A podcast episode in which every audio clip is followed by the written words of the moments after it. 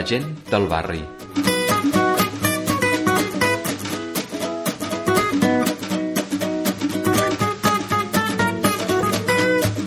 La Marina surt del pàrquing dels grans magatzems on treballa venent productes de bellesa.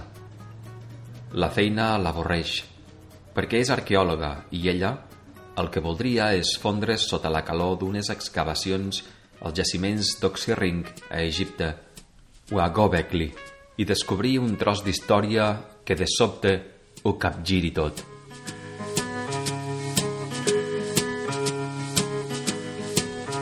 Passa per la plaça Rovira al volant del clàssic dels anys 70 que va heretar de l'àvia, com l'apartament on viu i que ella mateixa amb el seu enginy ha reformat. Estaciona a prop de casa. La filera de persones que esperen per entrar a Cal Sabater de Torrent de les Flors s'estén fins a dos carrers més avall. I quan és a la cua, pregunta a la senyora de davant si fa gaire estona que esperen. La resposta li fa mandra. Treu el mòbil de la bossa i escriu un missatge. Faré tard, ho sento, he de fer un encàrrec. Millor si comenceu sense mi. Prefereix no donar detalls. Sap que el comentari de la presidenta de l'escala, que és la persona a qui ha escrit, seria que una còpia de les claus pot esperar.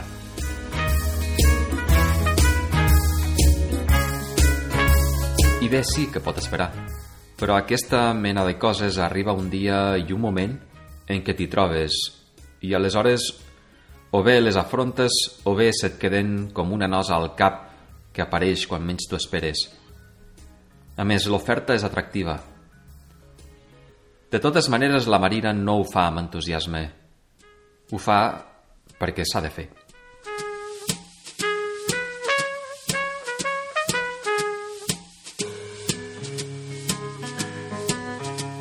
Falta un parell d'hores perquè el sabater abaixi la persiana. Pensa a fer-se una còpia de la clau del cotxe, donat que està torçada i podria trencar-se en qualsevol moment. Però després decideix fer dues còpies de la clau de la porta de l'entrada del bloc, de la bústia i de l'apartament. Quan surt del sabater és tard i està cansada. Enfila Torrent de les Flors i quan arriba al portal prova la clau nova a la porta de l'entrada, la qual s'obre sense problemes. Desitja que el que queda de jornada, abans de posar-se al llit, sigui fàcil.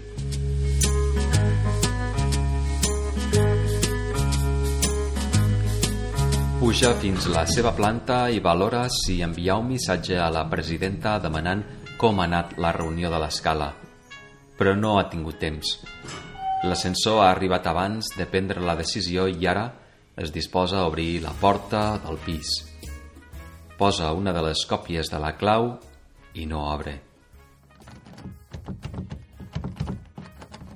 Prova l'altra i tampoc. Anava tot massa bé, pensa. Finalment treu la clau de sempre i tampoc no obre. Ho intenta una vegada i una altra i res. Llavors veu llum sota la porta.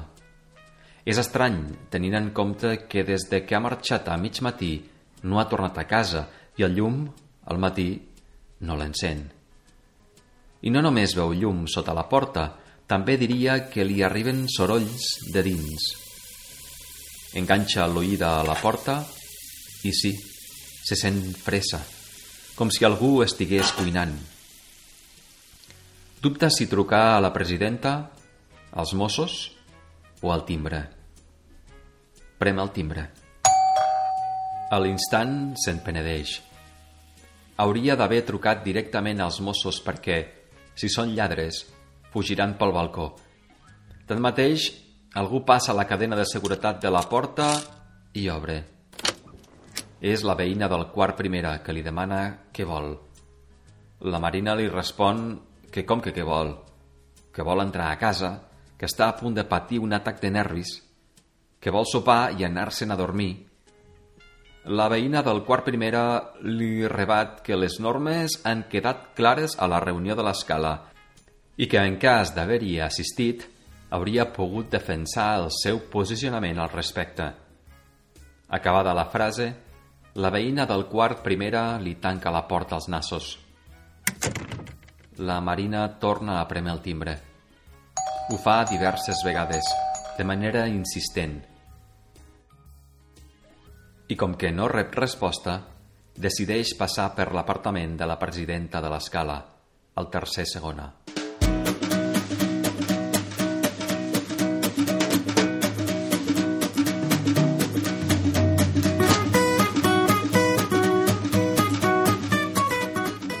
Davant el tercer segona, la Marina prem el timbre. Obren la porta i apareix el veí del cinquè tercera, la Marina li diu que vol parlar amb la presidenta. El veí, un senyor gros, amb bigoti i quatre cabells repentinats de temple a temple, li diu que llàstima que no hagi pogut ser la reunió. La Marina li respon que li importa un rab la reunió, que vol entrar a casa, sopar i anar a dormir. El veí del cinquè tercera, que procura ser amable, Afegeix que ell no hi pot fer res i que tothom ha quedat satisfet del resultat. I li suggereix de parlar amb la presidenta, que pel que ha pogut acabar esclarint la Marina, ara viu el primer primera.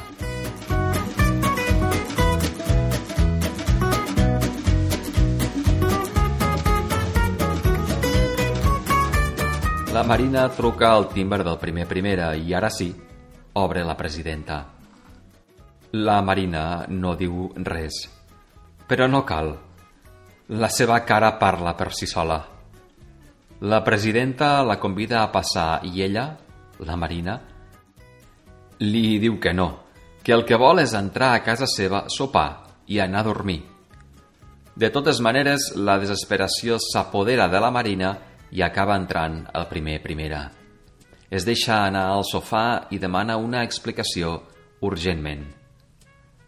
La presidenta li ofereix una infusió que la Marina rebutja de manera irada. Llavors la presidenta passa a explicar-li que a la reunió de l'escala s'ha acordat una activitat que algú havia llegit en un llibre d'autoajuda i que es veu que funciona tan bé per millorar la relació entre els veïns. L'activitat ha consistit en carregar a un serraller que canvi els panys de les portes aleatòriament.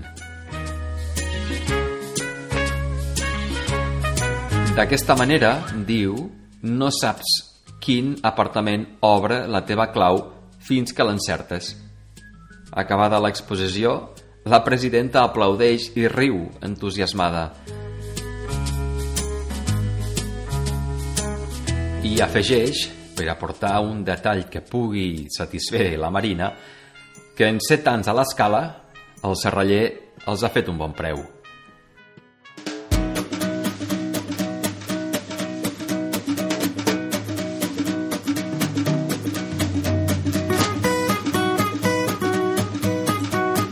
La Marina surt del primer primera i, resignada, posa la clau al primer segona. No s'obre la posa al primer tercera. Res. I així una porta rere l'altra fins al sisè tercera, que s'obre. La Marina entra. Palpa la paret i encén els llums. El pis és buit, sense mobles. Procura recordar qui vivia al sisè tercera, però no ho aconsegueix va passant d'una habitació a l'altra. Troba el lavabo i obre l'aixeta de la dutxa sense èxit. No hi ha aigua. Surt al balcó. L'aire és fred, però reconforta. El carrer és pràcticament buit i un semàfor canvia de color per a ningú. Torna al que devia ser la sala d'estar i descobreix que un tros de rajola no acaba de venir-hi bé. S'hi acosta i amb el peu prova d'encabir la rajola, que s'hi resisteix. Finalment s'ajup i ho intenta amb les mans. Sense sort, així que la treu. I en treure-la, li sembla descobrir un tros de ceràmica que no encaixa amb la resta del mosaic. Comença a gratar amb els dits, procurant no malmetre la peça, tal com va aprendre a la facultat. De mica en mica va descobrint el color intens de la ceràmica i també descobreix que és més gran del que pensava. Amb un esforç notable, arrenca un tros més de rajola i segueix gratant amb els dits. No avança prou. Va fins la cuina. Obre armaris i calaixos fins que hi troba una cullera. Continua l'excavació amb la cullera. L'endemà al matí, la superfície de l'apartament és una excavació arqueològica de primer ordre. La Marina està satisfeta amb les troballes aconseguides fins al moment. No obstant, les considera de poca envergadura. Necessita eines. Així que es prepara per sortir a comprar-ne. No ha dormit en tota la nit, però no té son, ni gana, ni set, malgrat que no ha menjat ni begut res des d'ahir a migdia. Quan està a punt de tancar la porta del sisè tercera, un pensament l'aterreix.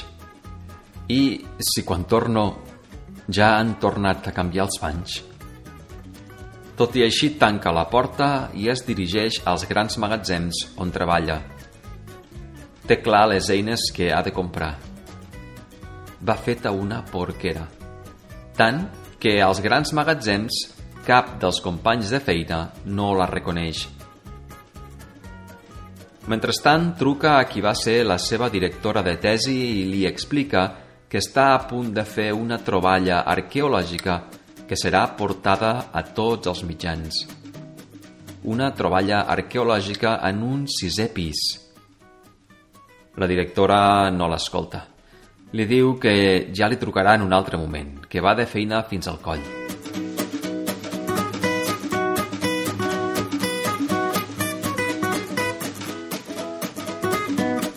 Quan ha reunit les eines, la Marina torna a casa.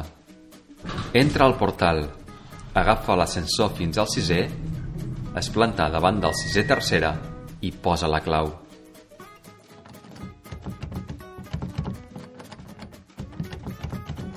no s'obre. Ho prova amb totes les còpies i res de res. Odia profundament els veïns. Es posa a córrer escales avall fins a la planta on hi ha l'apartament on havia viscut fins ara, el que era de la seva àvia. Es posa davant la porta, posa la clau i s'obre a la primera. Torna a ser a casa les coses són al seu lloc. Està tot impecablement net. La Marina arrenca un plor de ràbia. Va fins a la cuina, obre un dels calaixos, treu l'olla de ferro de Le Creuset, torna a la sala d'estar i l'espetega contra el terra una vegada i una altra, fins que fa saltar les rajoles. Després torna a la cuina, Obre amb fúria el calaix dels coberts, que surten volant. Pren una cullera, torna a la sala d'estar, es posa de genolls i mira de fer un forat. Però a diferència del sisè tercera, aquí, sota les rajoles, no hi ha esperança.